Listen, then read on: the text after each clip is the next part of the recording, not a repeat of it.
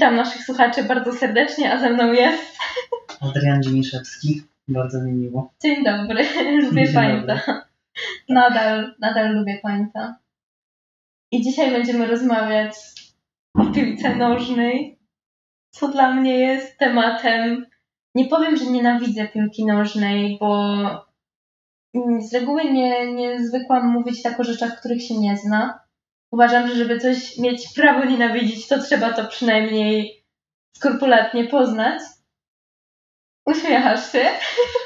Tak, ponieważ nie niena- e, powiedzmy nienawidziłabyś e, że, najważniejszej rzeczy z rzeczy mniej ważnych, jak to mawiał Jan Paweł II, więc To jest najważniejsza dla ciebie rzeczy z rzeczy mniej ważnych?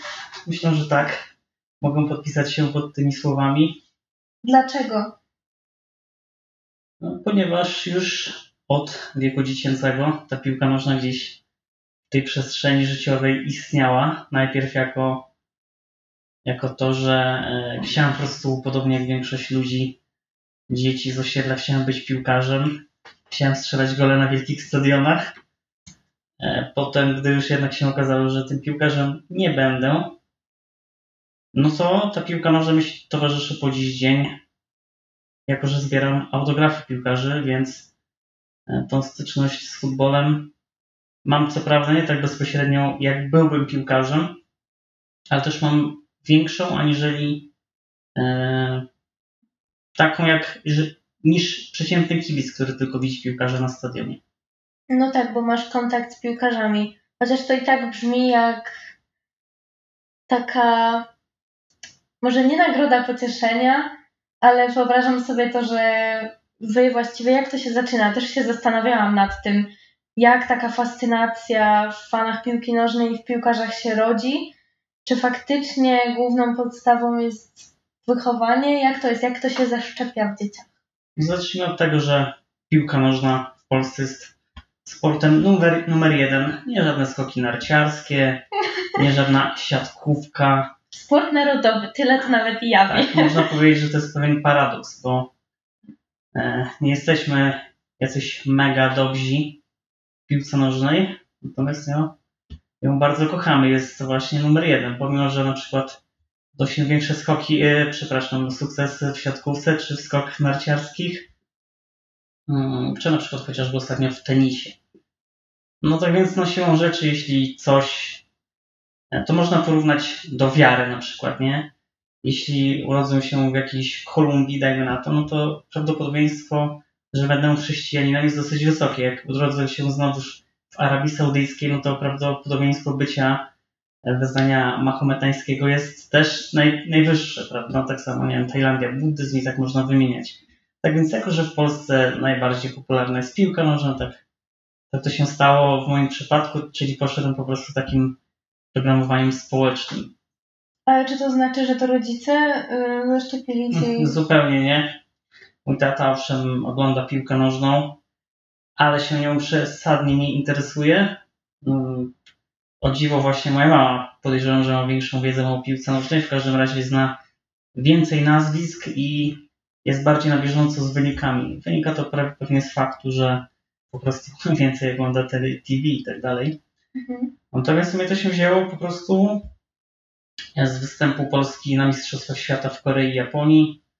E, To były pierwsze występy reprezentacji Polski po 16 To o latach. jakim e, roku mówimy? Mówimy o roku 2002. Wow. Czyli też te same liczby co w 2020, tak, tylko w zgadza odwrotnej, można powiedzieć, kolejności, więc e, no wtedy oczywiście też przyszły pierwsze rozczarowania, czyli na dzień dobry przyszło to rozczarowanie, bo Polacy się wtedy niezbyt dobrze zaprezentowali, czyli mecz otwarcie, mecz o wszystko, mecz o honor, klasyka. A co skopali Mm, wtedy? No przegrali z Koreą 2-0, z Portugalią 0-4 no i na pocieszenie wygraliśmy ze Stanami 3-1. Jak to jest, że oni skopali, a ty ich pokochałeś? nie tyle pokochałem e, tą polską reprezentację, co po prostu piłkę nożną samą w sobie. To jest właśnie taka dyscyplina, która dostarcza szereg emocji, począwszy od właśnie stanów egzaltacji wręcz, e, jakiejś takiej dziecięcej radości, co nie zmienia się przez lata. Tą dziecięcą radość człowiek doświadcza zarówno w wieku 10 lat, kiedy 9-10, kiedy właśnie to były jakieś początki. No i nawet w młodszym wieku przejawiali już miłość do piłki. No i ta radość się nie zmienia aż po dziś dzień. Cieszę się z każdego najmniejszego sukcesu polskiego piłkarza, zwłaszcza polskiego piłkarza. Aczkolwiek no teraz to się zmieniło z wiekiem, że jest ten bardziej stoicyzm w moim życiu, więc e, tonuje nastroje jakiejś, e, jakiejś radości, kiedy są te momenty radości, ale jednocześnie e, nie mam aż takich rozczarowań w momencie, kiedy te rozczarowania są, więc e, ten spokój ducha jest raczej na takiej prostej linii. Ale przewija się tam taki patriotyzm do tej naszej drużyny. Oczywiście, Ale że tak. nie jesteśmy fantastyczni, tylko po prostu jesteśmy twoim domem. Nigdy nie obstawiłbym u Bookmachera e, żadnego meczu przeciwko Polsce, e, a wręcz czasami, mimo że to rzadko robią, no to jeśli już, no to jestem tym optymistycznym kibicem i stawiam na naszą reprezentację. E, No, oczywiście czasem wiąże się to z jakimiś, nazwijmy to, stratami finansowymi. No, jednak e, świadomość oglądania reprezentacji na przykład w momencie, kiedy też obstawiło się na nią jakąś pulę pieniędzy i ta reprezentacja wygrywa, na przykład taki przypadek miałem, gdy graliśmy na Euro 2016 z Ukrainą i to był mój ostatni mecz, e, żeby po prostu wygrać mm, zakład, no to te emocje są naprawdę bardzo, bardzo duże. Jak myślisz, y, ilu, ilu fanów obstawia mecze? Szczerze to nie wiem, gdyż sam obecnie nie obstawiam tych meczów. Są osoby, które na przykład nie interesują się piłką nożną samą w sobie, ale obstawiają mecze po prostu, bo kierują się kursami. Więc no tutaj tych ludzi obstawiających mecze można podzielić na kilka kategorii. Zresztą nie jestem jakimś ekspertem w kwestii obstawiania, więc tutaj za dużo nie mogę powiedzieć, ale podejrzewam, że to są po prostu ludzie, którzy obstawiają też mecze z chęci zarobku, czyli uwaga, hazard. E, Hazard jest, e, jest widziany jako szansa na zarobek, a ja na przykład widzę w tym jakąś taką zabawę, formę takiej, takiej jakby, no, fajnie się po prostu mecze ogląda, jeśli masz to na kuponie, nazwijmy to, więc Czyli mamy też takich fanów. Też się zastanawiałam nad tym, bo ja może znam. Ja w ogóle chciałam na początku udowodnić, jak bardzo znam się na piłce nożnej.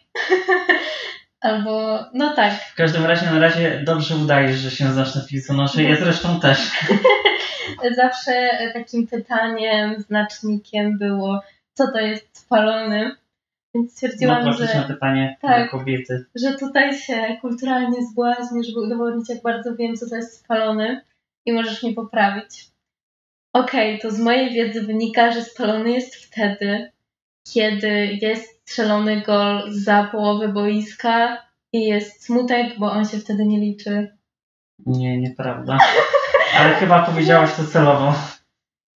To popraw mnie. Nie, właśnie wręcz gole strzelone za połowy liczą się jak najbardziej. To może I są to gole znaczenie... często otwierane na wszelkiej maści powtórkach, bo nieczęsto się zdarzy, żeby piłkarz tam z odległości 50, 60, 70 metrów strzelał gole. Oczywiście takie gole padają, ale jest to nieczęsty widok na stadionach. Okej, to drugie zgadywanie byłoby, że spalony jest wtedy, kiedy przed strzelającym nie ma nikogo z jego drużyny.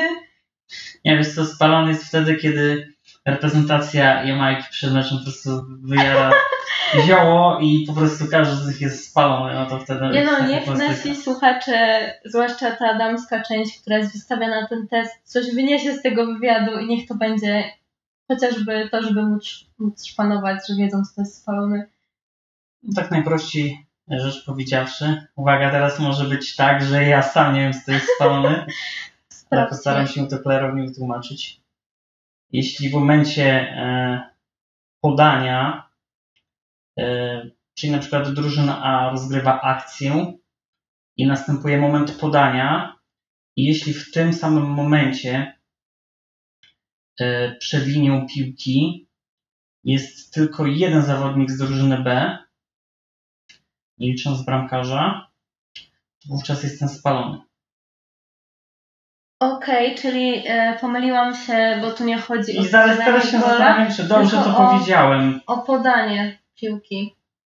To znaczy, że byłoby za łatwo. Kluczowy jest moment podania po prostu, kiedy piłkarz, e, kiedy stopa piłkarza po prostu już nie ma kontaktu z piłką. Co się I wtedy po prostu jest tak zwany sędzia, sędzia liniowy. W obecnych czasach nazywa się go bardziej sędzią asystentem. No jeśli piłkarz właśnie drużyny A wyjdzie przed tą linią, gdzie jest ostatni zawodnik, tak, nie licząc bramkarza, z pola, no to wówczas jest właśnie spalony. Co się wtedy robi? No rozgrywany jest stały fragment z tego, z tego miejsca właśnie. Okej, czyli się hamuje akcję i z tego miejsca rusza Tak, po prostu ponownie. sędzia podnosi chorągiewkę i, i sygnalizuje tym samym, że e, dany zawodnik z drużyny A wybiegł przed tą linię, gdzie znajdował się ostatni zawodnik m, drużyny B, nie licząc oczywiście bramkarza. No i wówczas e, jest stały fragment. I o ile wcześniej bywały decyzje kontrowersyjne, ponieważ no tutaj bazow- bazowało się tylko i wyłącznie na ludzkim oku i doświadczeniu takiego sędziego. Czyli spalony mógłby być naprawdę tak na no, w zasadzie milimetrowy, tak? E, I sędzia mógł podnieść chorągiewkę. E, Oczywiście w cudzysłowie milimetrowy, tak? Są jednak większe odległości. Natomiast teraz obecnie no, e, technika wkroczyła do naszego życia, tak? Czy to oznacza lasery? To oznacza po prostu tak zwane mm, tak zwany VAR, czyli tam Video Assistant Referee. No i wówczas, jeśli sędzia ma uzasadnione wątpliwości w kwestii spalonego, czy sędzia boczny po, podjął właściwą decyzję, czy też nie, no to wówczas dodaje się do specjalnego ekranu, bądź też dostaje tak zwany no, cynk od sędziego asystenta, który jest właśnie w takiej specjalnej kabinie, który ogląda te powtórki. I mówi do niego na przykład Panie Marciniak, na przykład najpopularniejszy, najbardziej znany polski sędzia, Pani Marciniak, Marciniak jednak w tej sytuacji był spalony, więc bram, bramki, jeśli ona padła, oczywiście nie ma i jest rozgrywany stały fragment na rzecz drużyny B. To ile osób dokładnie jest Ligą Sprawiedliwości takiego meczu? No tej oczywiście sędzia główny plus dwóch sędziów bocznych. Często mm, też sędziowie techniczni, którzy stoją przy bramkach. No i plus e, taka wierchuszka, która jest właśnie w tym specjalnym boksie, e, no w taki no, w takim specjalnym studio, gdzie po prostu oglądają te powtórki. Czyli jeżeli kogoś przekupywać, to ich. Można tak to ująć.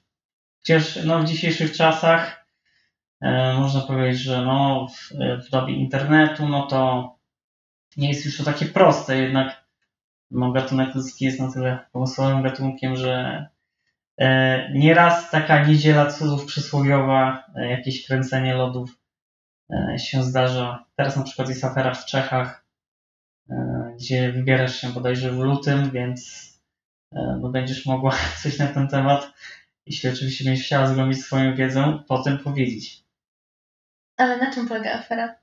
Po prostu na różnych szczeblach e, ligowych zostały sprzedawane mecze, czyli na przykład e, no powiedzmy drużyna e, X pod, pod, podkłada się drużynie Y, tak, czyli na przykład w gronie zawodników jest jakaś grupa piłkarzy większa bądź mniejsza, która po prostu pozoruje grę, e, w sensie no, będzie popełniać takie błędy, które mm, których jakby zadaniem jest to, żeby nie były widzialne dla jakiegoś przeciętnego kibica, tak? Czyli, że na przykład jeśli piłkarz popełni błąd, to że nie wynika to z tego, że po prostu on sprzedał mecz, tylko że po prostu popełnił błąd e, typowo piłkarski. No i oczywiście no, kwestia przekupowania sędziów i tak dalej, więc temat jest bardzo szeroki. Napisano o tym e, tabuny książek o sytuacjach, aferach korupcyjnych pod różnymi szerokościami świata, począwszy od Polski, e, przez Niemcy, poprzez na przykład e, Ligę Singapurską nawet, więc no jest to szeroki temat. Korupcja jest stara jak świat zresztą. Zastanawia mnie, jakie są kalibry, nie wiem, wypłaty, czy jak to wygląda w, w piłce nożnej. E, ale wypłaty w sensie takie korupcyjne dla sędziów, Nie. piłkarzy. Nie, nie, to jeszcze nie jest. Jeśli chodzi o wypłaty, o wypłaty dla sędziów, no to na przykład e, w Polsce odbywało się to w ten sposób, że e, osoba, która chciała kupić ten mecz, czyli żeby na przykład no, ten mecz wygrała jego drużyna, no to na przykład spotykali się na jednej ze stacji benzynowych i też podjeżdżał sędzia, no i przekazywali sobie gotówkę w formie na przykład takiej, że ona była ukryta w kole zapasowym.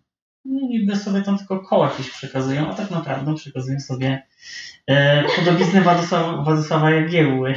Okej, tak ale, ale wygląda. pytałam o tą legalną stronę jednak. Ile w ogóle, o jakich kwotach mówimy, mówiąc o piłce nożnej? Może po pierwsze, ile kosztuje, to jednak sport narodowy, a po drugie, ile piłkarze zarabiają na wygranym meczu? Jak to w ogóle działa? W Polsce jest opinia, że piłkarze polscy zarabiają zdecydowanie za dużo.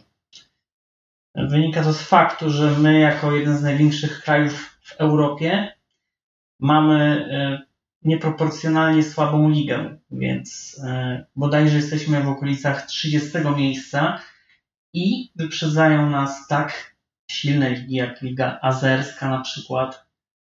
E, Nie mówiąc już o ligach krajów mniejszych, e, typu na przykład Czechy, prawda? Po raz kolejny o nich wspomnę, więc no, często dochodzi do takich no, paradoksów, że naprawdę ci przysłowiowi ke- kelnerzy, tam drużyny z Islandii, z Litwy, gdzieś tam z Estonii, e, ogrywają właśnie te drużyny właśnie polskie, które w danym sezonie kwalifikowały się do pucharów e, i które miały jakieś aspiracje, żeby wejść do fazy grupowej najczęściej Ligi Europy. E, No jednakże już na, trafiwszy na pierwszą przeszkodę, na przykład na drużynę właśnie z Luksemburga na przykład, no to ta drużyna się potyka i wówczas e, człowiek się zastanawia, czy to jest wypadek przy pracy, taka jednorazowa wpadka, czy też może e, nasza liga jest naprawdę e, tak, reprezentuje taki poziom, że po prostu piłkarsko jesteśmy słabsi od, od takich drużyn. No i właśnie nasze drużyny na przestrzeni ostatnich 10 lat zaliczały takie wpadki niejednokrotnie. Em, Ale też mieliśmy jakieś sukcesy, na przykład wychodziliśmy z grupy i tak dalej. Tak więc no tutaj opinia w polskim społeczeństwie jest taka, że piłkarze zarabiają zdecydowanie za dużo, bo na przykład słyszy się, że taki Artur Jędrzejczyk kasuje w Legii Warszawa bagatela 200 tysięcy złotych miesięcznie, czyli e, koszty, jakich nie wygeneruje przeciętny Kowalski przez e, no, kilka lat. Może trochę mniej, ale no jednak. A jemu to po prostu tak ad hoc przychodzi 200 tysięcy na konto, potem kolejne 200 tysięcy, 200 tysięcy i można już wstawiać do mnie, więc tak to wygląda. A jak ty uważasz? E, Hmm, to jest bardzo ciekawe pytanie, bo z jednej strony tak naprawdę oni są jakąś elitą najlepszych w tym, co robią w Polsce, prawda? Tak samo, no nie wiem, u nas najlepsi lekarze, czy tam dentyści, nie jacyś naukowcy też zarabiają z tego tytułu fajne pieniądze e, w porównaniu do tych, którzy na przykład są na początku tej kariery zawodowej. Tak samo jest ten dysonans między najlepszymi topowymi piłkarzami, a piłkarzami, którzy gdzieś tam kopią po czwartych, piątych ligach, którzy zarabiają tam kilkaset złotych, bo ta piłka nożna jest w wydaniu amatorskim bądź półamatorskim, więc Ale to gdybym była piłkarzem, to od czego zależy moja wypłata? No oczywiście e, pierw podpisujesz kontrakt na powiedzmy, dajmy na to 3 lata, no i masz e, stałą pensję tytułem właśnie, stałą miesięczną pensję tytułem mm, no, pracy na rzecz tego klubu, tak? Bo rozgrywasz mecze, trenujesz, czyli de facto pracujesz dla tego klubu. Też są premie tak zwane wyjściówki, jeśli grasz w podstawowym składzie, to wiąże się to też z jakimiś benefitami dla ciebie. E, no i kwestia e, wygranych meczów, tak? Bo przecież o zwycięstwo w piłce nożnej tak naprawdę chodzi. Więc po latach e, zerknąwszy w jakieś archiwa, no to ludzie przeważnie patrzą, kto w danym sezonie wygrał, jaki puchar, kto był mistrzem. Tam mało kogo interesuje drużyny z drugich, trzecich miejsc, prawda? Więc tutaj historia bardziej pamięta o zwycięzcach. No tak więc no tutaj, y, to się przekłada właśnie te zwycięstwa. E, też jeśli e, piłkarz ma jakiś podpisany w kontrakcie, bo to zazwyczaj wszystko jest zapisywane właśnie w kontrakcie, jakieś frukty tytułem mm, strzelenia danej puli goli w sezonie, tak? Jeśli strzelam powyżej 10 goli, no to wówczas mi przysługuje jakiś benefit finansowy w wysokości takiej i takiej. Jeśli zaliczę tyle i tyle asyst, no to wtedy też to wiąże się z jakimiś dodatkowymi, często niemałymi e, pieniążkami. Ale to wróćmy do pytania. Uważasz, że piłkarze zarabiają za dużo? W Lidze Polskiej uważam, że tak. Natomiast e, no i też w świecie, w tym już takim mainstreamowym futbolu, no to oczywiście pieniądze dla takiego przeciętnego zjadacza chleba, jakim jestem, no to są niebagatelne, wręcz często demoralizujące w sytuacji, kiedy, nie wiem, 18-letni zawodnik podpisuje kontrakt z jakimś klubem i już po dwóch, trzech miesiącach widzimy go w jakimś e, Mercedesie G-klasy albo w jakimś innym Bentleyu. Więc no, czy to jest takie moralne do końca e, do takiego piłkarza, E, który, no, którym po prostu może odbić sodówka i takich piłkarzy można, mm, można wymieniać naprawdę no, z pół tego zeszyciku, który tutaj przed sobą masz. E, często jest tak, że właśnie piłkarz ma dobry start z zawodową piłką nożną, a jednak poziom właśnie juniorski w porównaniu do seniorskiego, ten cały przeskok jest naprawdę jest, jest bardzo duży i na przykład ten piłkarz na początku wypala, tak? I zaczynają się na pierwsze pieniądze, takie poważne, pierwsze Mercedesy. Natomiast potem dziwnym trafem, no, człowiek może się tym wszystkim zachłysnąć, co jest w sumie normalne. Znaczy normalne i nienormalne, ale no nie, nie należy się temu dziwić.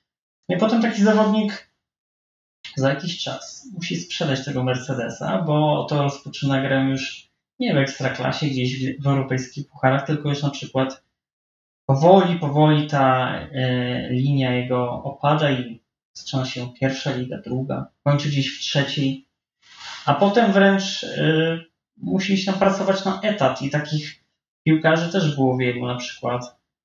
Mm, chyba to jest najbardziej znany przypadek. Radosław Kałużny, czyli członek reprezentacji Polski na Mundial w Korei i Japonii, o którym wspominałem. E, piłkarz, który spędził wiele lat za granicą, grając w takich klubach jak e, Energii Cottbus czy w Bayerze Leverkusen, no facet zarabiał miliony złotych. Ale e, przyszedł rozwód, pierwszy, drugi, trzeci. No i taki piłkarz skończył pracując w DHL-u, czyli robiąc taką pracą przeciętnego człowieka. Też inni są jakimiś też nawet bileterami słyszałem. Mm, na przykład olimpijczyk z Barcelony, Aleksander Kłak-Bramkarz, był przez wiele lat kierowcą autobusu w Antwerpii. No i spójrzmy na to, na, ten, na to życie piłkarza już po zakończeniu kariery, tak? E, pula e, miejsc tytułem właśnie trenerów młodzieży, dyrektorów sportowych, czasami właścicieli klubów, ogólnie no, taka trenerka, żeby ci piłkarze się utrzymali w tym zawodzie, jest ograniczona.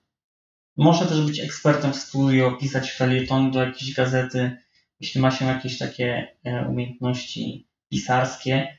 Jednak tych miejsc nie jest zbyt dużo, więc taki piłkarz musi, e, że tak powiem, się przebranżowić. I często wielu piłkarzy właśnie po zakończeniu kariery dopada depresja, bo prowadzili życie na bardzo wysokim poziomie i nagle, ok, jeszcze mają tam jakieś pieniądze w znakomitej większości, ale z czasem te pieniądze się kończą, więc już ten status społeczny spada. No zdarzyło mi się na przykład spotkać e, pewnego byłego reprezentanta Polski w autobusie, e, który właśnie gdzieś tam jest schorowany teraz na rencie i, i naprawdę ledwo przędnie.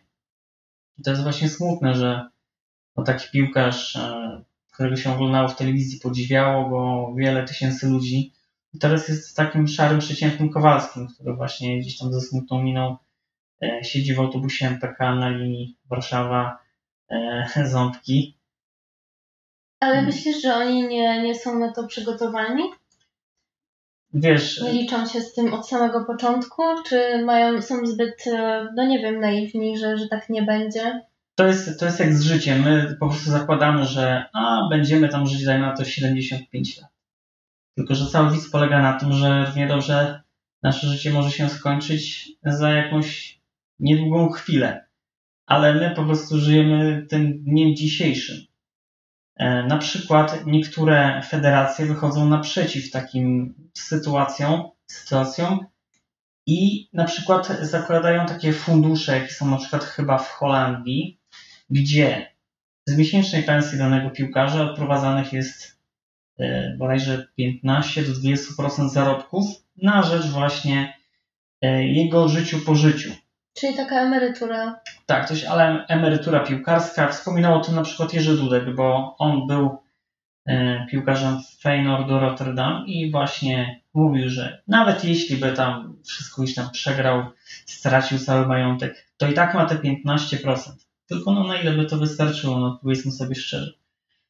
Więc no tak to wygląda w świecie futbolu. Jest to też takie brutalne, ale no jak to mówią, e, volenti non fitini uria, czyli chcącemu nie dzieje się krzywda. Jeśli ktoś e, żyje tylko dniem dzisiejszym i liczy się z tym pieniądzem, no to po prostu no, jest ofiarą własnych decyzji.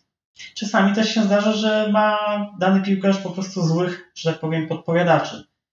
Bo na przykład taki Robert Lewandowski nawet stracił kilka milionów złotych złotych tytułem właśnie jakichś nieudanych inwestycji. No jednak dla niego to są tak zwane pestki, więc e, tam wiele nie stracił.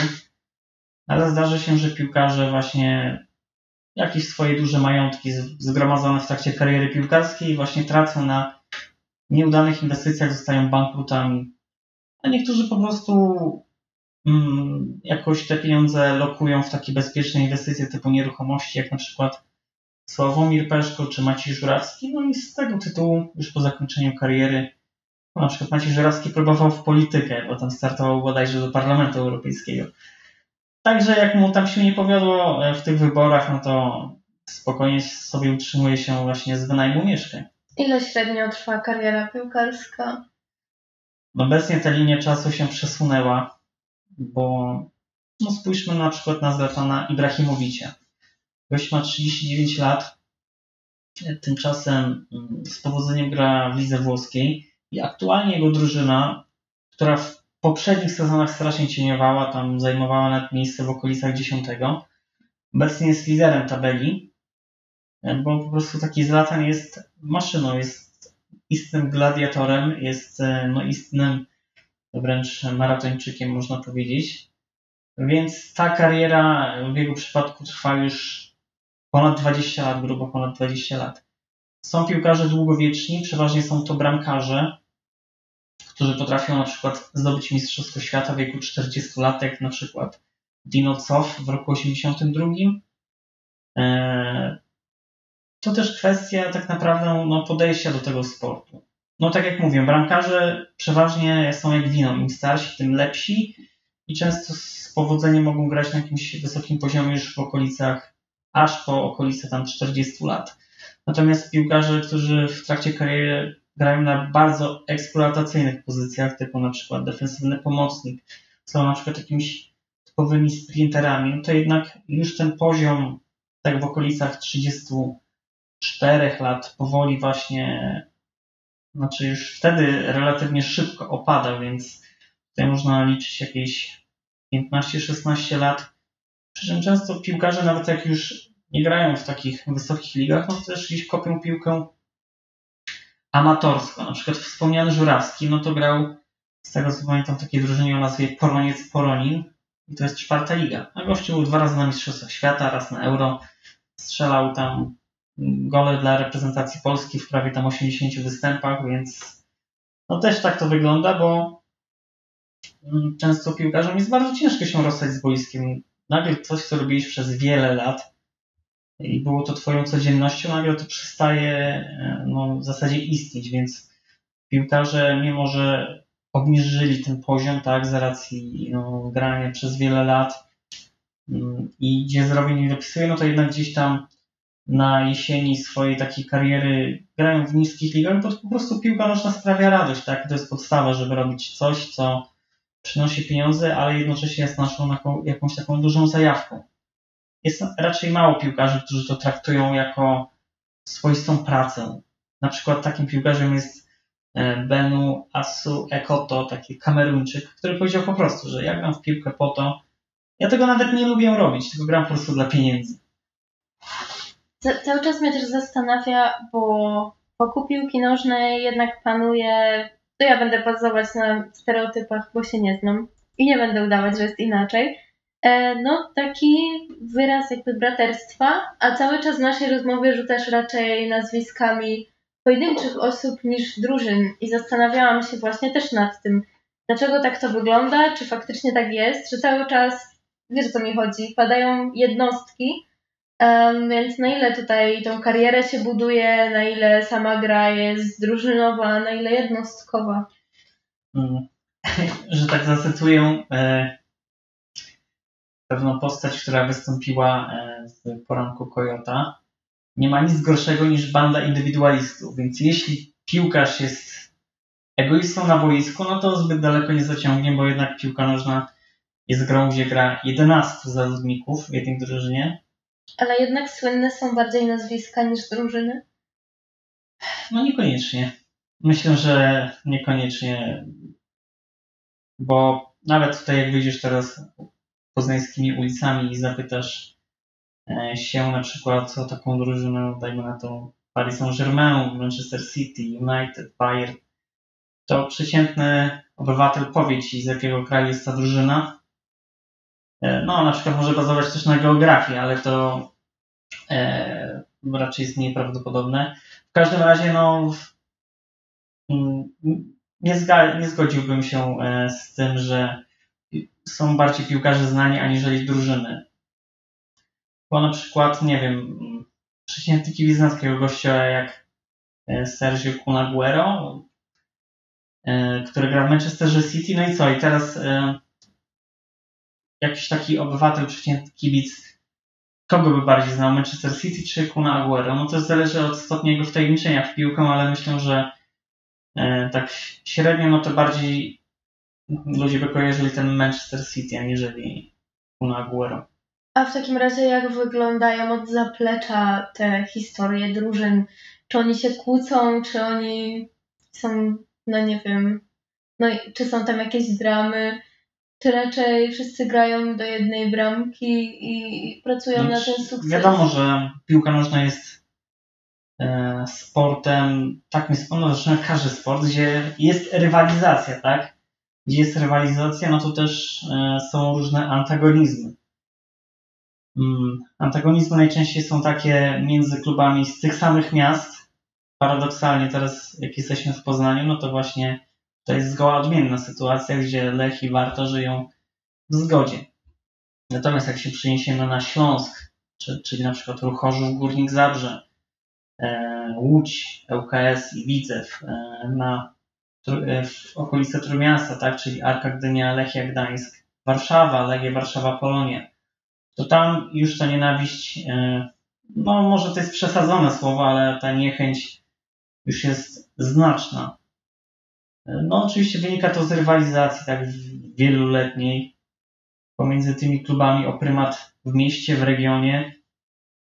No oczywiście ten e, też koronny przykład Krakowia, Krakowia Wisła, gdzie na przykład e, kibice jednej drużyny potrafili robić tak zwany wjazd na dzielnicę kibiców drugiej drużyny z tak zwanym sprzętem, czyli na przykład jakieś pałki teleskopowe i tak dalej. Dlaczego kibice się biją?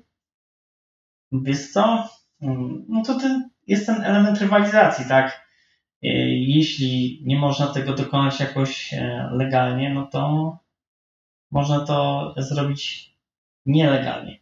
Ja na przykład nie mam nic przeciwko, jeśli na przykład mm, jest tak zwana ustawka, czyli walczą pomiędzy sobą kibice dwóch drużyn i to jest myślę jak najbardziej. Okay. Skoro oni tego chcą yy, i następuje ta walka, nazwijmy 100 na 100, nikt nikogo nie przymusza do tego, tylko jest to dobrowolna wola dorosłych ludzi i tam gdzieś się spotkają pod mostem czy gdzieś.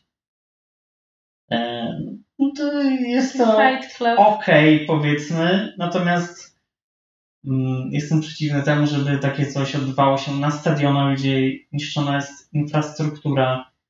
E, często, e, często stadionów, które wybudowaliśmy my, podatnicy z naszych podatków, bo często stadion jest własnością miasta. I tytułem właśnie takich różnych zniszczeń, począwszy od krzeseł, przez sprzęsła, aż po jakieś poważniejsze rzeczy, są e, właśnie też no my jesteśmy tymi ofiarami jako podatnicy. Ktoś może powiedzieć, ale zaraz, przecież e, teraz sam sobie przeczysz, bo jeśli ci kibice lejący się pod mostami mm, doznają jakichś obrażeń, no to wtedy też przeważnie leczą ich lekarze, za których, e, na których my łożymy, tak? Mm, natomiast tutaj jest też troszeczkę inna sytuacja, bo e, takie na przykład wszelkie burdy na stadionach, teraz to już jest to naprawdę rzadkość, jeśli jak ktoś często ten temat porusza, no to e, po prostu nie śledzi tego na bieżąco. E, są to teraz marginalne tak naprawdę przypadki. Natomiast też to wszelkie jakieś niesnaski, które odbywają się w obecności kamer e, podczas meczów, no to też działają negatywnie marketingowo na, na, tak, na tak naprawdę produkt, bo polska ekstraklasa, no tutaj trzymajmy się może naszego podwórka, jest produktem, który właśnie współpracuje z różnymi też e, podmiotami, ze sponsorami, tak, z telewizjami. Więc takie telewizje, e, widząc, tacy sponsorzy właśnie widząc, że e, jakie rzeczy tam się potrafią dziać, no to mogą uznać ten produkt, ten produkt właśnie za mniej atrakcyjny z marketingowego punktu widzenia. Więc właśnie na rękę zarówno polskim klubom, no, wszystkim klubom tak naprawdę. Kibicom powinno być to, żeby po prostu ta ekstraklasa była ładnie opakowana i żeby nie dochodziło do jakichś takich wydarzeń, które nie powinny się wydarzyć e, na boisku piłkarskim, na trybunach przede wszystkim. Ale czy uważasz, że piłkarze potrzebują tego, żeby ich fani się za nich bili? Nie, raczej, nie, raczej tego nie potrzebują, chociaż w gronie piłkarzy też jest wielu na przykład gorliwych kibiców, tak? Czyli, czyli na przykład E, piłkarze, którzy po prostu otwarcie mówią, że nienawidzą danego klubu, nienawidzą ich kibiców i tak dalej. Natomiast no, czy jest to potrzebne piłkarzom? No, raczej nie. Piłkarze są po to, żeby. Piłkarzom potrzebny jest doping. Nie mówię tu o dopingu strzykawkowym, tylko o takim bardziej wokalnym. Także ja będąc na stadionie e, nie biję się, tylko biję brawo, jeśli już E, no i oczywiście śpiewam, e, kibicuję, drę japę, ścieram gardło. Dla drużyny z, uwaga, okręgówki, bo jestem kibicem LKS Łomża. Co jest stadionem stadionów? Gdzie każdy chce wylądować? Gdzie grać? Hmm. Co jest takim Olimpem? Pewien muzyk powiedział, że the bigger is better in everything, nie? Więc oczywiście piłkarze tutaj e, również mogą się pod tym podpisać, czyli na największych, najbardziej popularnych stadionach, tak? Czyli mm, też w największych klubach, bo często największe kluby mają najlepsze stadiony. I co jest złotem pośród stadionów? Pośród stadionów co jest złotem? No, na przykład to jednym z większych stadionów jest Maracana, ale czy każdy piłkarz wolałby grać na Marakanie aniżeli na Santiago Bernabeu bądź na e, Camp Nou powiedzmy albo San Siro, to wątpię, bo jednak Liga Brazylijska cieszy się mniejszym prestiżem aniżeli Liga Włoska czy Hiszpańska. Także tutaj no oczywiście no, te największe kluby piłkarskie, tak, e, ich stadiony tam Allianz B, Arena Bayern Monachium, e, Old Trafford, Manchester United, e, City of Manchester Stadium, Manchester City, e, Emirates Stadium, Arsenal i tak dalej, i tak dalej można wymienić i wymienić. Po prostu największe kluby. A jak, e, jak się przedstawia reprezentacja Polski właśnie na tle świata? Jaka jest opinia Na tle świata. Kiedyś byliśmy chyba nawet na piątym miejscu w rankingu FIFA, e, czyli to jest taki ranking, gdzie klasyfikowane są wszystkie reprezentacje, począwszy od reprezentacji tych największych typu To- Brazylii, Argentyna, Tak, to sprawdziłam. Jesteśmy aktualnie na 19. na 19 miejscu. Tak. No, także Były jakieś punkciki. tak, no po prostu rozgrywając mecze, to te mecze mają różne kategorie wagowe, nazwijmy to. Towarzyski punktowany jest inaczej, mecze punkty inaczej i po prostu jest ten ranking FIFA. I tak jak mówiłem, są tam reprezentacje od największych po najmniejsze, typu jakieś wysepki na Oceanie Spokojnym, typu Fidżi, Vanuatu, Wyspy Cooka, Tahiti i tak dalej, i tak dalej. Tak, jest jeszcze drugi ranking ELO UEFA, ranking i UEFA. jesteśmy na 21. E, tak, z tym, że tu chodzi chyba e, o ranking, jeśli chodzi o polską ekstraklasę, bo podejrzewam, że jako reprezentacja na pewno jesteśmy, e, wydaje mi się, wyżej. Zresztą to byłoby pewnym paradoksem, że w światowym rankingu jesteśmy na 19, a w Europie dziwnym trafem jesteśmy na 21. A kiedy byliśmy na piątym? To było za czasów Adama Nawałki, e, za czasów tego mitu założycielskiego i meczu z Niemcami, podejrzewam. To jakoś było pewnie przed Euro 2016. Ale co się od wtedy zmieniło? Dlaczego już tam nie jesteśmy? No przede wszystkim mm, bardzo słaby, by nie powiedzieć najgorszy ze wszystkich reprezentacji e, występ na Mistrzostwa Świata w Rosji dwa lata temu, gdzie nasi piłkarze nie byli w formie, gdzie nie było widać woli walki, jakiejś determinacji, gdzie drużyny typu właśnie Iran, Maroko, czyli drużyny o wiele mniejszym, dysponujące o wiele mniejszym potencjałem piłkarskim, potrafiły się zaprezentować o wiele, o wiele lepiej na tle silniejszych rywali, bo tylko przypomnę, że takie drużyny jak Iran czy Maroko miały w swojej grupie Hiszpanię i Portugalię, więc e, drużyny ze światowego topu. My tymczasem mieliśmy Japończyków, Senegalczyków i Kolumbię, więc drużyny równie silne, ale nie aż tak bardzo. Ale cały widz polega na tym, że my mieliśmy pił- kilku piłkarzy ze światowego topu, a tam tymczasem piłkarze irańscy grają gdzieś tam no, w najlepszym przypadku w Holandii, w Portugalii, w tych ligach, ale najczęściej to gdzieś są, są kluby jakieś arabskie, no i perskie, tak? Czyli ich lokalne. Więc no właśnie ten fatalny występ głównie się przełożył na tym, że zjechaliśmy trochę niżej w rankingu. E, Potem też nie mieliśmy jakichś spektakularnych meczów z jakimiś top drużynami, gdzie naprawdę się świetnie zaprezentowaliśmy i wygraliśmy. Więc myślę, że pozycja 19, którą aktualnie, jak mówisz, zajmujemy, jest pozycją adekwatną do naszej sytuacji e, w polskiej piłce. Natomiast pozycja piąta, no nie, nie oszukujmy się, była zbyt przesadzona, zresztą tam ten ranking nie jest do końca obiektywny, w sensie zakłamuje rzeczywistość, bo na przykład no raczej każdy kibic, większość kibiców przynajmniej wątpi, że e, reprezent, najlepszą reprezentacją świata w danym momencie, w tym momencie jest chyba Belgia, bo ona jest wtedy chyba w tym przypadku pierwsza. No ale no raczej nie jest prawda, ale po prostu Belgowie, że tak powiem, nastukali tych punktów i zaowocowało to tym, że no, są pierwsi. Chyba, że coś się zmieniło. Mogą być Rozmawialiśmy o ustawkach. E, Na ile mecze są przewidywalne? e, wiesz, byłyby przewidywalne, jeśli miałbym taki almanach, który miał Martin McFly w powrocie do przyszłości, to wtedy rzeczywiście byłyby przewidywalne. Jednakże jest tak, że tak naprawdę piłka nożna jest też bardzo nieprzewidywalnym sportem. I na tym e, polega jej właśnie piękno. Na tym zyskała też wielu swoich sympatyków. E, oczywiście, no, wiadomo, że no, jak gra jakaś drużyna z topu tabeli, z pierwszej trójki, z drużyną, która gdzieś tam szoruje pod niej, jeszcze wypożycza koparkę, żeby się głębiej dokopywać, to wiadomo, że w tym przypadku większość, lwia część kibiców e, będzie ustawiać na drużynę, która jest w topce, e, ale właśnie piłka nożna jest bardzo nieprzewidywalna. Spójrzmy chociażby mm, na sytuację sprzed kilku sezonów, kiedy taka drużyna angielska Leicester była uważana za totalnie przeciętną i za drużynę, która jeśli już to na max wykręci tak miejsce dziesiąte tam do trzynastego dajmy, dajmy na to. W każdym razie taki średniak po prostu. E, nie zagra w pucharach, ale też nie spadnie z ligi.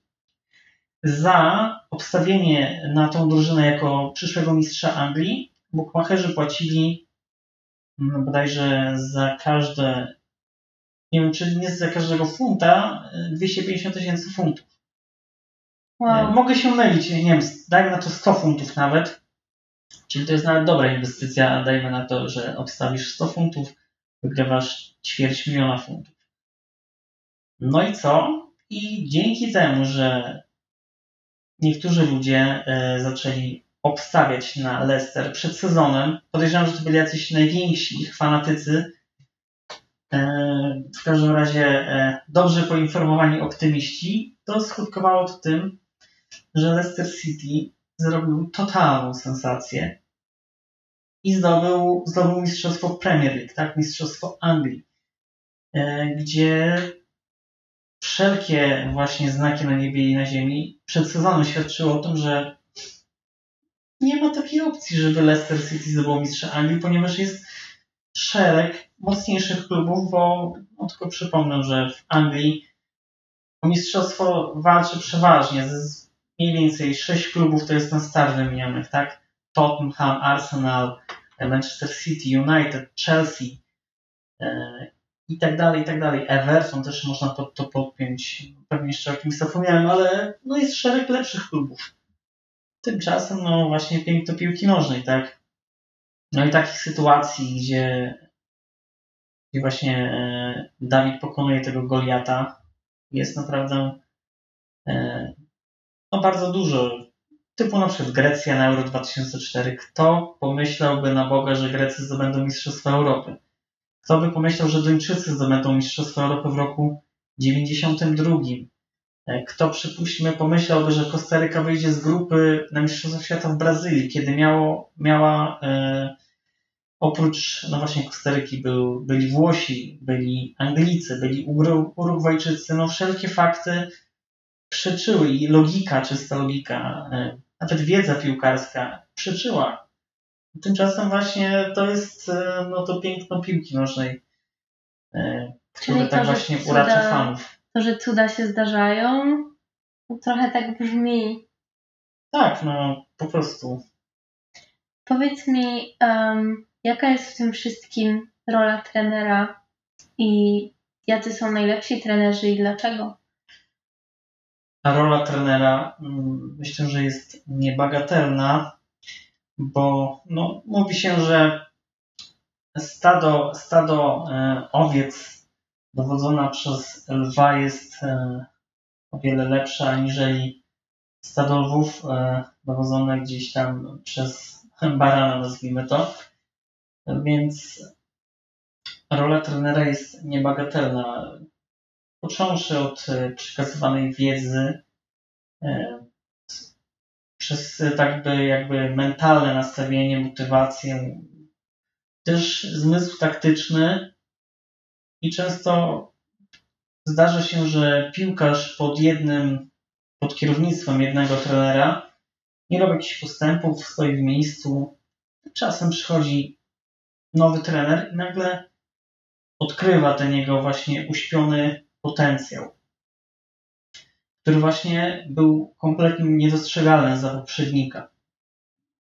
Więc e, no tą rękę, rękę trenerską no trzeba jednak bardzo doceniać i to nie przypadek, że na przykład kluby podkupują sobie trenerów za wiele milionów euro, bo wiedzą, że, że to może być inwestycja, która się zwróci.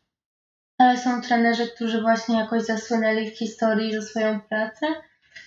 Jasne, że tak. No, krążę ponad 100 lat tradycji, więc mm, począwszy od jakichś takich mm, reformatorów w sensie taktycznym, tak, typu na przykład e, dajmy na to Remus Michels. Był to taki trener, on był bodajże Holendrem i wprowadził coś takiego jak futbol totalny. Czyli no po prostu takie ofensywne nastawienie i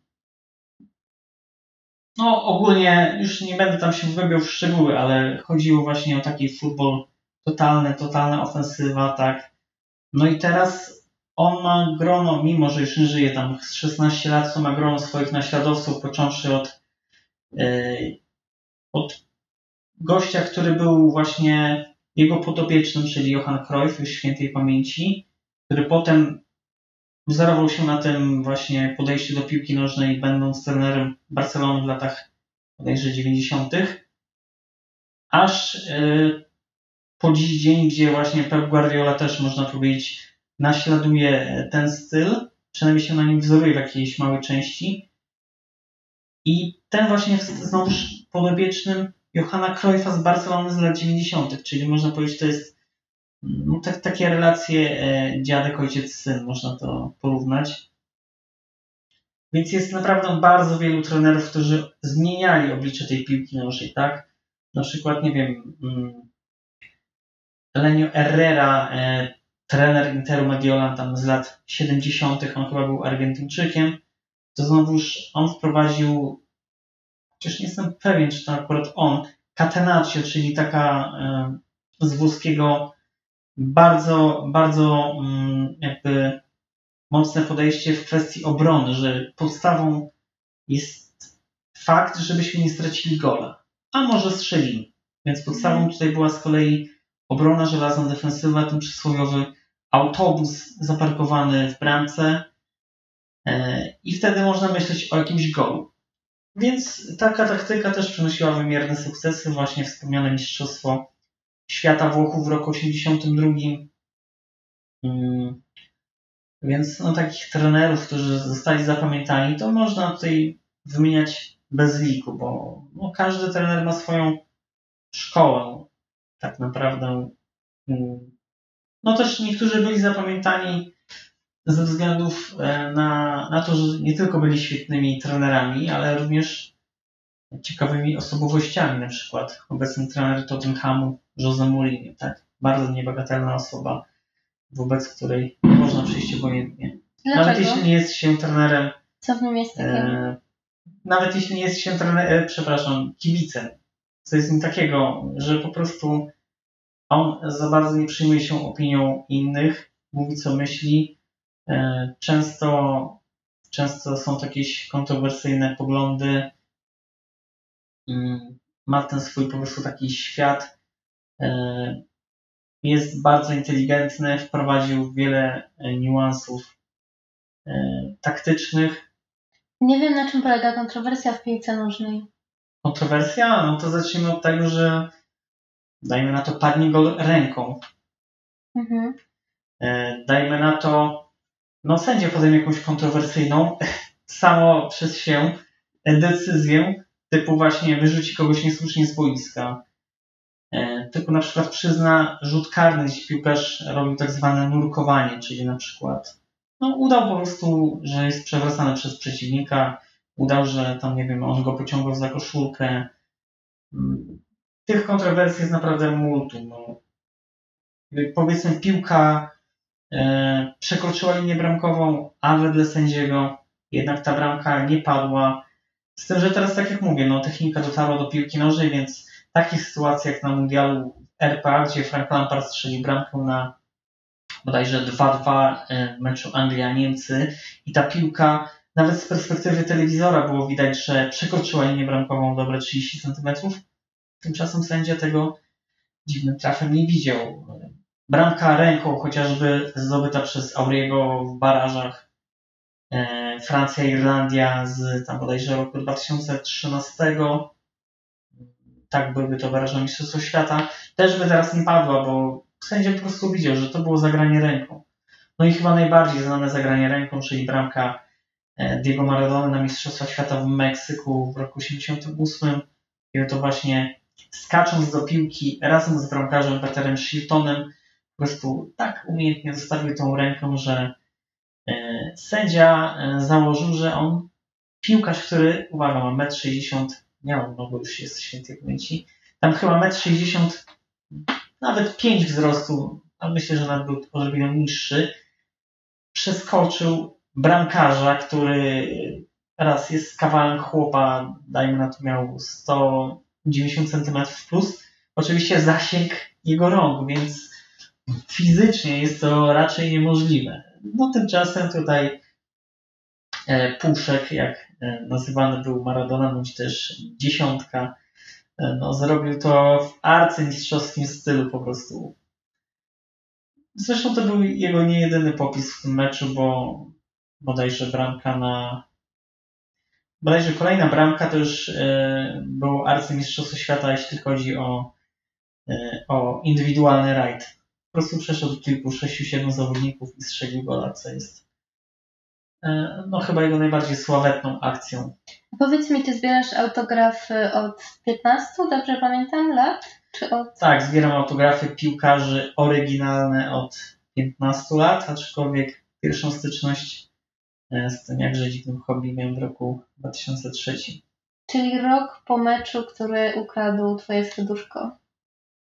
Nie tyle rok po meczu, co rok po wydarzeniu, bo po prostu no to było wydarzenie Mistrzostwa Świata, no i potem zacząłem się interesować tą piłką tak na grubo. A powiedz mi, jak to wpłynęło? W sensie spotykałeś się z piłkarzami, których oglądałeś w telewizji, o których słyszałeś, których robiłeś, mm, no poznawałeś ich historię.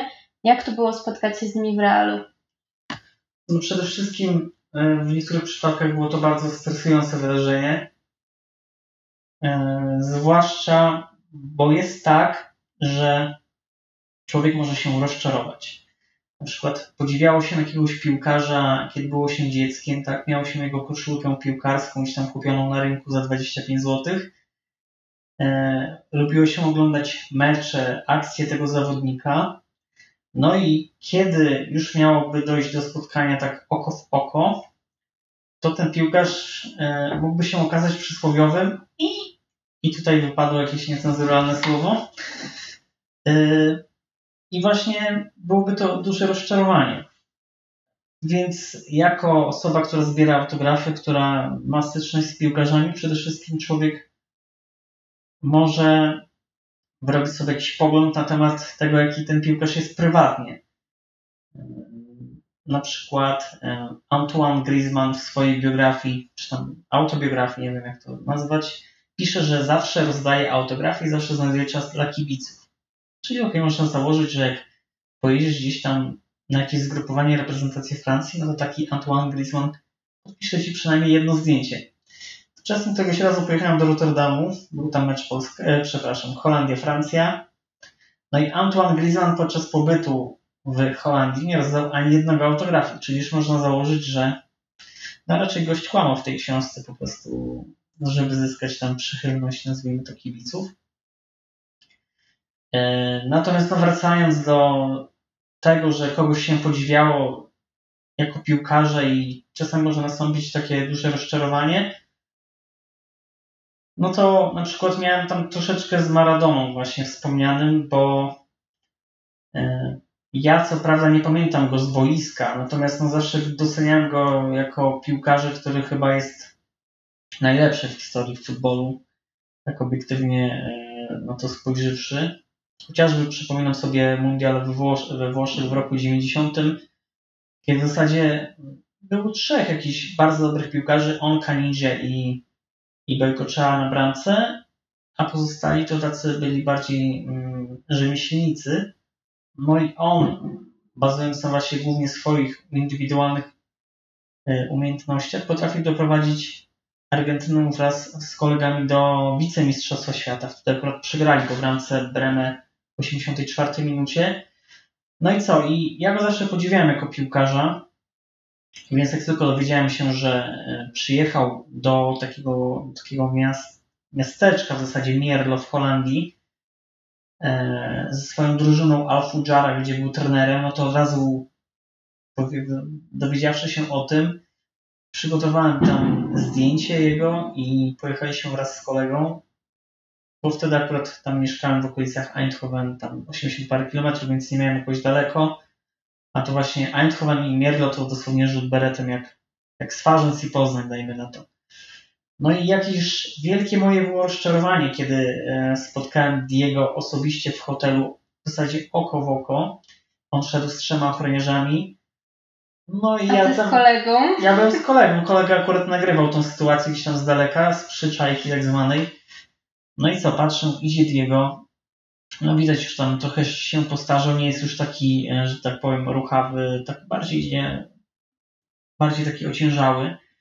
No ja tam podchodzę do Diego, tam e, Buenas tardes, Diego, ¿puedo tener su autografo?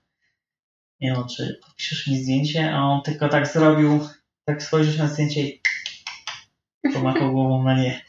Jeśli, jeśli jeszcze byłby Albańczykiem, no to pomyślałbym, żeby, że mi naprawdę podpisze, bo tam e, jak machasz głową tak o, na nie, tak jak u nas, to u nich znaczy tak. Ale niestety, Diego jest Argentyńczykiem, więc mm, po prostu najzwyczajniej w świecie odmówił mi tego autografu. No jeszcze tam ochrona oczywiście tam odsuwała mnie, nie, nie, coś tam. Więc e, początkowo mm, byłem z tego tytułu bardzo, ale to bardzo i tutaj też pada słowo na literę W. To może zastąpię to, e, jako że teraz czytam sobie Milana Kunderę, to może zastąpię mój stan emocjonalny, że zamiast byłem w kur, to byłem chodzącym monumentem smutku, jak ostatnio przeczytałem w jednej jego książce. Ale to się zmieniło później? Wybaczyłeś mu? E, ogólnie początkowo jeszcze do takiej autorefleksji, e, tej introspekcji doszedłem w hotelu, gdzie początkowo pomyślałem sobie, no fatalnie, no jednak przejechałem trochę kilometrów, e, straciłem cały dzień i on nie mógł poświęcić mi 3 sekundy swojego życia na złożenie autografu. E, jednak potem tak sobie pomyślałem, zaraz, zaraz, ale on jest w zasadzie własnością publiczną, w cudzysłowie od dobrych 40 lat, więc on zwyczajnie po prostu może mieć to wszystko już w dupie e, i może mu to być obojętne, co taki kibic przeciętny o nim pomyśli, więc e, rozumiałem ten jego e, stan, w jakim on po prostu się znajdował, że cały czas mu ktoś zawraca cztery litery. Zrób ze mną zdjęcie, daj mi autograf, podpisz mi piłkę i, i tak dalej. No, więc można powiedzieć, że wybaczyłem mu, jakkolwiek brzmi, bo wiadomo, że Diego to raczej ma w dupie takie rzeczy. Natomiast co? Za tydzień zrobiłem ponowne podejście, bo Diego Maradona też był takim, taką osobą, która rozdawała autograf. To nie było tak jak z Bogiem Dylanem, na przykład takim muzykiem, który nie rozdaje autografów w ogóle, tylko zależało to od humoru. Więc widziałem tam na stronie internetowej tej drużyny, że Diego rozdaje te autografy, ale to jest it depends on the mood, tak? Zależne od poczucia jego humoru, jak stanie, jaką stopą e, itp. itd. Więc ponownie ruszyliśmy za tydzień. Niestety znów mnie spotkało rozczarowanie. Diego Maradona nie złożył autografu na zdjęciu. Ale e, pocieszyłem się faktem, że kiedyś Diego Maradona m, odpowiedział mi na list, który wysłałem do niego kiedyś na jego willę w Buenos Aires. E, I na przykład e, mam pewność, że to jest oryginalny autograf, ponieważ ja wysłałem ten list do Argentyny, a znowuż odpowiedź dostałem z Kataru, gdzie on wtedy był trenerem bodajże jakiejś katarskiej drużyny, już nie pamiętam nazwy, tam tych Al coś tam, Al Sad, Al kurde, Ali, to jest miliard, nie? Więc no, któregoś razu po półtora roku oczekiwania, gdzie już zupełnie zapomniałem o tym, że wysłałem list do Maradony, patrzą, a tu dwa podpisy Diego Maradony. No proszę. Jeden wtedy wymieniłem i troszeczkę może powiedzieć, że żałuję, bo teraz mógłbym go sprzedać za niemałe pieniądze. A chciałam Cię zapytać, gdzie najdalej pojechałeś po autograf? Najdalej byłem w okolicach Równika. Około 140 km od Równika i to było w Singapurze. E, Wówczas to e, po prostu kręciłem się z plecakiem po Azji Południowo-Wschodniej. Po tym jak rzuciłem pracę, to po prostu poleciałem do Bangkoku i stamtąd sobie jeździłem autostopem po tych krajach azjatyckich I w międzyczasie sobie zbierałem autografy. Właśnie między innymi od piłkarzy z Tajlandii, z Kambodży, z Wietnamu, z Malezji, z Hongkongu i właśnie tak cyrkluje szybko. To chyba Singapur jest najbardziej oddalonym punktem od Polski. Tak linii prostej jest jakieś chyba no, nawet 10 tysięcy kilometrów, więc e, tak. Kto, kto okazał się tym wybrankiem? To była drużyna Tampines Rovers, bo była najbardziej popularna swego czasu w Singapurze. Jakkolwiek to brzmi. E, No i wtedy zebrałem kilku właśnie zawodników, którzy, no, nie oszukujmy się, oni są kompletnie anonimowi w Europie, bo nigdy nie grali w Europie i Singapur też nie jest drużyną, która prezentuje jakiś wysoki poziom piłkarski. Natomiast na warunki singapurskie byli to wielokrotnie reprezentanci krajów. Dawid e, Bennett, czy Daniel Bennett, już nie pamiętam, mm, który rozegrał ponad 140 meczów w kadrze Singapuru, co jest naprawdę dużym wyzwaniem, bo naprawdę niewielu piłkarzy rozgrywa 140 meczów dla swojej ojczyzny. No i no sprawa, że on urodził się w Anglii, więc on taki jest w połowie Singapurczyk.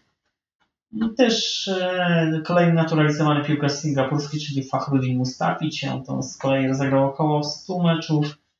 No i ogólnie tych singapurskich piłkarzy zdobyłem tak około 10 chyba, czy 15, już nie pamiętam.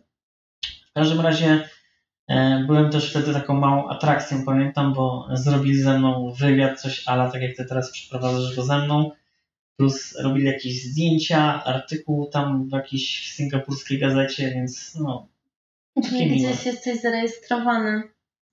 Tak, podejrzewam, że ten artykuł tej pory gdzieś tam kwitnie na tej stronie. Powiedz, Musiał go poszukać. powiedz mi, czy są jakieś zasady gry w piłkę nożną, które uważasz za nielogiczne, niepotrzebne, złe, nie powinno ich być? Czy coś byś zmienił? Mm, Nie, po prostu to jest jak, to jest jak e, no, można to porównać do relacji damsko-męskich. Po prostu jeśli jesteś w jakiejś relacji z daną dziewczyną, to po prostu kupujesz ją taką, jaką jest, więc można to przełożyć na grunt piłki nożnej. Po prostu kupuję to w stałej rozciągłości. Nie ma tam jakiejś Takiej takiej totalnie głupiej zasady, że o Boże, czemu to istnieje, tak? No może jedną taką głupią zasadą jest obecnie wprowadzona, że bramkarz w momencie wykonywania rzutu karnego musi dotykać stopą linii bramkowej, chociażby na 2 cm czy coś. Dla mnie to jest no, totalna głupota, bo bramkarz bardziej na obronieniu rzutu karnego musi się koncentrować na tym, żeby właśnie dotykać tą stopą tej linii bramkowej. No i na przykład ostatnio stracił na tym Łukasz Fabiański, bo on obronił rzut karny, ale sędzia dopatrzył się, że szanowna stópka Łukasza Fabiańskiego dotykała, nie dotykała linii bramkowej, więc rzut karny wykonywany notabene przez Mateusza Klika, czyli kolejnego Polaka w Premier League, został powtórzony i Mateusz Klik wtedy trafił do bramki. Więc to jest chyba jedyna głupota, która być może będzie wyeliminowana z biegiem czasu. Zastanawiałam się jeszcze nad y, tym, co ludzi w piłce nożnej pociąga i w sumie to, to jest pewny rezultat tej mojej rozmowy z Tobą, moje przemyślenia. Um, I jeszcze to, co sobie zaobserwowałam. Jest to ta ekskluzywność na pewno, o której mówiłeś. Piłki nożnej? Niekoniecznie, bo to, to jest sport, do którego nie trzeba mieć jakichś nakładów finansowych jak tenis, chociażby, gdzie musisz płacić za kort, musisz płacić za rakietę. Po prostu kupujesz piłkę i sobie kopiesz tam do bramki z kolegami na boisku, na betonie. A równocześnie powiedziałeś mi, że jest y, reprezentacja Polski pewną elitą. No elitą jest. A Trzeba jednocześnie powiedziałeś mi o zarobkach. od elity. Tak, masz rację. To jest to coś innego w takim razie. Ale mówiłeś o zarobkach, mówiłeś o elicie. Jest w tym jakaś taka, może nie tyle wyższość, ale widać, że mówiąc o piłce nożnej mówi się o pewnej społeczności, zarówno piłkarzy, jak i ich fanów, która jest, przypomina w sumie taką wilczą watachę poniekąd. Co no też wiesz, jest można, dla mnie... można tak to powiedzieć, że e, elita pod tym względem, że jeśli na przykład w klasie, gdzie ja się uczyłem, e, były osoby, które się nie interesowały, no chłopacy, tak, którzy się nie, nie interesowali piłką, to oni w tej hierarchii klasowej byli na bardzo niskiej pozycji.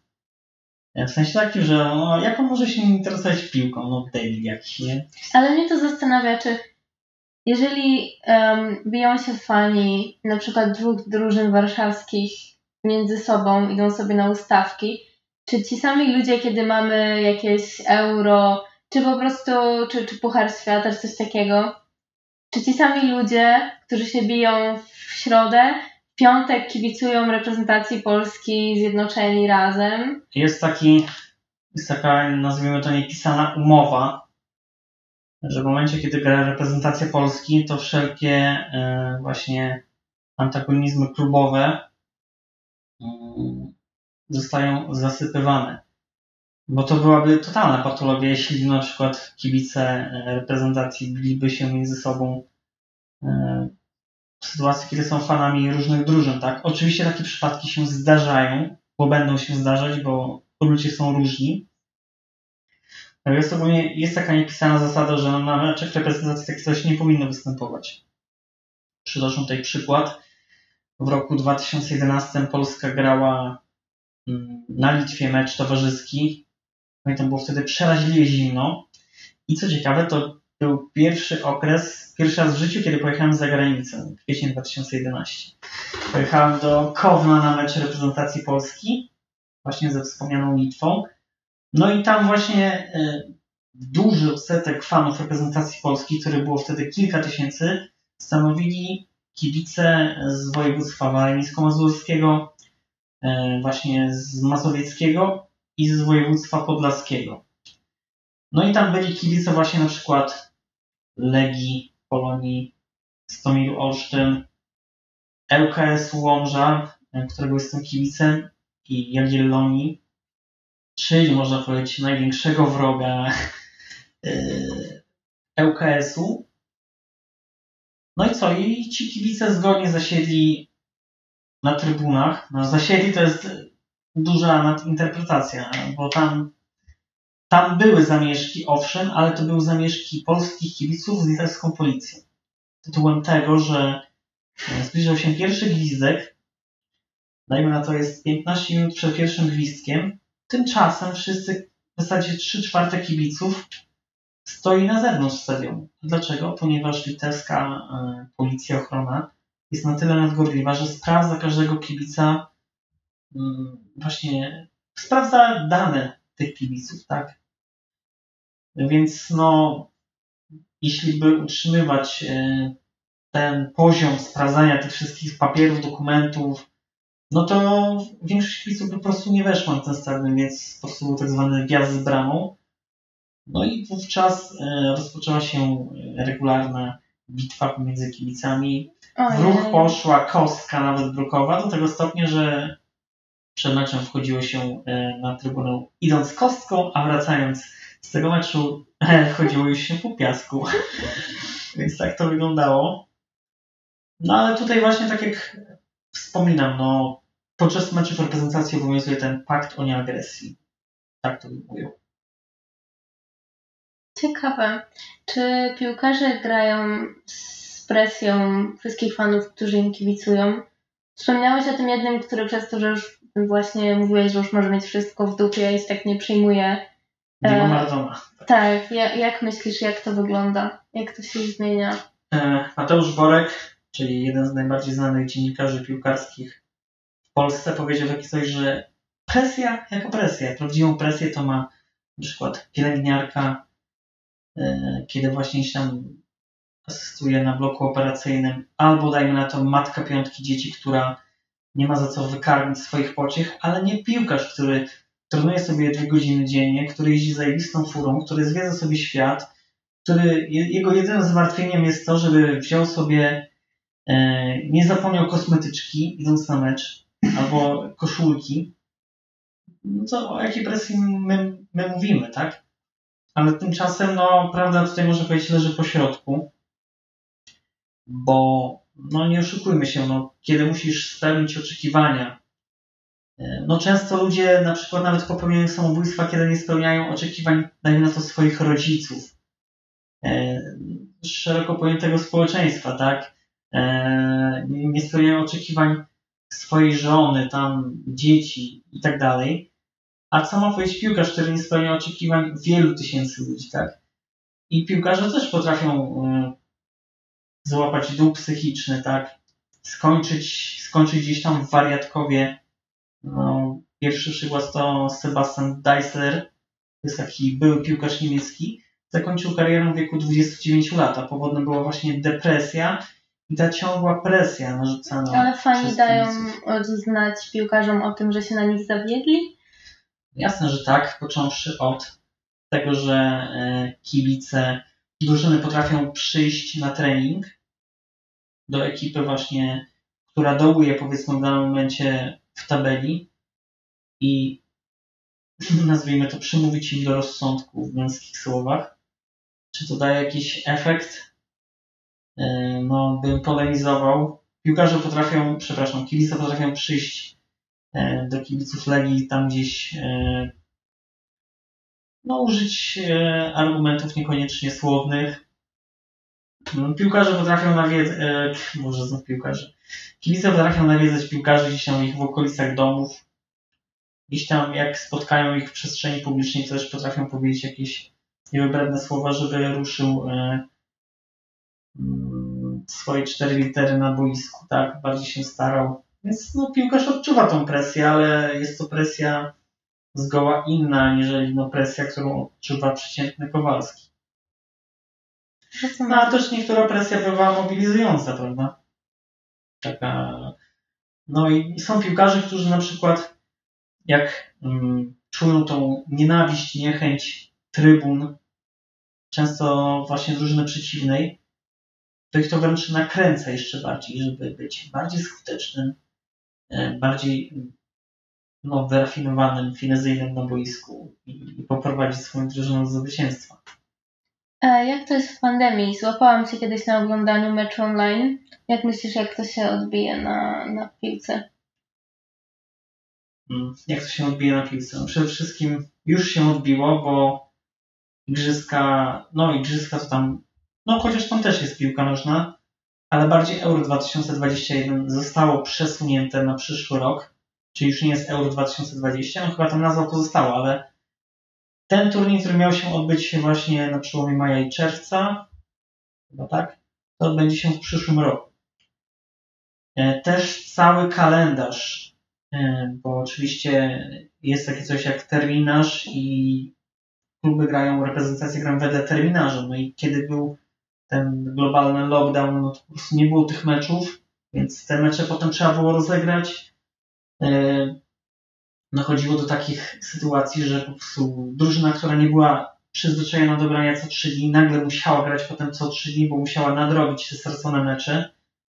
Prowadzono e, zmiany w zasadach, na przykład, że mm, dopuszczalne są, dopuszczalne obecne są zmiany nawet do pięciu zawodników podczas tego 90-minutowego meczu. E, też tam kwestia chyba jest, że w dogrywce tam możesz kolejnego wpuścić, no więc to się odbija w takim aspekcie czasowym. Dalej trzeba wziąć aspekt finansowy. Na przykład wiele klubów upadło, e, bądź bardzo zminimalizowało swoje budżety, schodziło z kosztów. Na przykład, nie wiem, takie kluby jak Żilina, to nie wiem, czy nie zostały postawione w stan likwidacji, taki klub słowacki. Bury, czy tam Barry, nie wiem jak to się czyta. E, w ogóle taki klub właśnie angielski w ogóle przestał istnieć. E, kolejny szereg klubów wycofywał się z rozgrywek, bo po prostu mm, połączyli kropki, wycyrklowali, że słuchajcie, no wystarczy kasy na ten biznes, na tą rozrywkę zwaną piłką nożną. Nie mamy na to siana, więc dziękujemy, my z tego pociągu wysiadamy, nara. E, tak więc no, aspekt finansowy to jest chyba bardzo niebagatelny cios, bo po pierwsze znika zarobek z dnia meczowego, bo kibic nie kupi na stwierdzenie pamiątki, kibic nie kupi tego biletu, żeby w ogóle wejść. Kibic nie kupi hamburgera, kibic nie kupi frytek, skończysz na takich głupotach. Więc no zarobek jest z tego żaden, bo trybuny świecą pustkami, a przynajmniej w chwili obecnej, bo był taki okres, bodajże tam właśnie jakoś sierpień, wrzesień, kiedy można było tych kibiców wpuszczać, e, tam jedna trzecia stadionu i tak dalej, i tak dalej. Mm.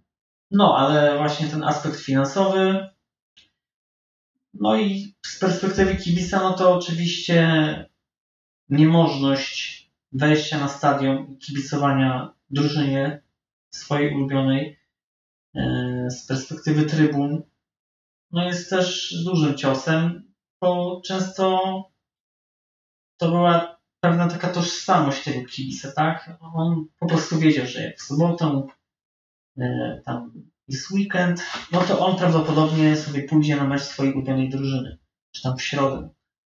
Tymczasem to nagle znika, ale no to wszystkich dotknęło tak naprawdę, nie? Ja na przykład lubię sobie gdzieś tam w weekend pójść wypić kawę gdzieś tam do knajpy, no i to zniknęło, więc no chyba jest, ka- każdy jest jakąś ofiarą większą bądź mniejszą w obecnej sytuacji, ale trzeba tą rzeczywistość zaakceptować, bo nie mamy na to wpływu. Myślę, że nasz wywiad pomału dobija do czasu całego jednego meczu, co było trochę No rzeczywiście. zamierzone z mojej strony. Cały czas też mamy Jest tło takie tutaj. coś jak dogrywka 2 razy 15 potem rzuty karne. Tak, e, to, to brzmi jak zaproszenie na kolejny wywiad, mam nadzieję. Mamy tutaj też dzisiaj jakieś e, petardy imitujące nam chociaż trochę środowisko. 29 stadionowe. grudnia. Tak, zgadza się. Ja w każdym razie jak byłem młodszy, to już puszczałem wtedy petardy. Na stadionie? Nie, na stadionie nie. Dziękuję Ci bardzo za wywiad. Zgodnie z moją tradycją oddaję Ci też ostatnie słowo. Jeżeli jest coś, co chciałbyś dodać, a ja o to nie zapytałam, to jest czas dla Ciebie. Nie no, jeśli chodzi o piłkę nożną, to myślę, że wyczerpaliśmy wszystkie aspekty. No podejrzewam, dla osoby, która zna piłkę nożną, kojarzy, interesuje się nią, no to ja powiedziałem jakieś banały, takie totalne, które każdy kibic wie. Natomiast jeśli ktoś nie, nie interesował się piłką nożną, e, bądź też no, nie interesował się, ale chciałby czegoś się dowiedzieć, i nie zrobił tego uprzednio na Wikipedii czy gdzieś tam na YouTubach, no to może coś z tego tam zapamięta. Życzę, życzę naszym słuchaczom poczucia tej egzaltacji, o której mówiłeś. Tak. I ciekawości w szukaniu właśnie e, związanym z tym nowinek. A Tobie bardzo dziękuję za wywiad Dziękuję uprzejmie. i mam nadzieję do usłyszenia. Do usłyszenia.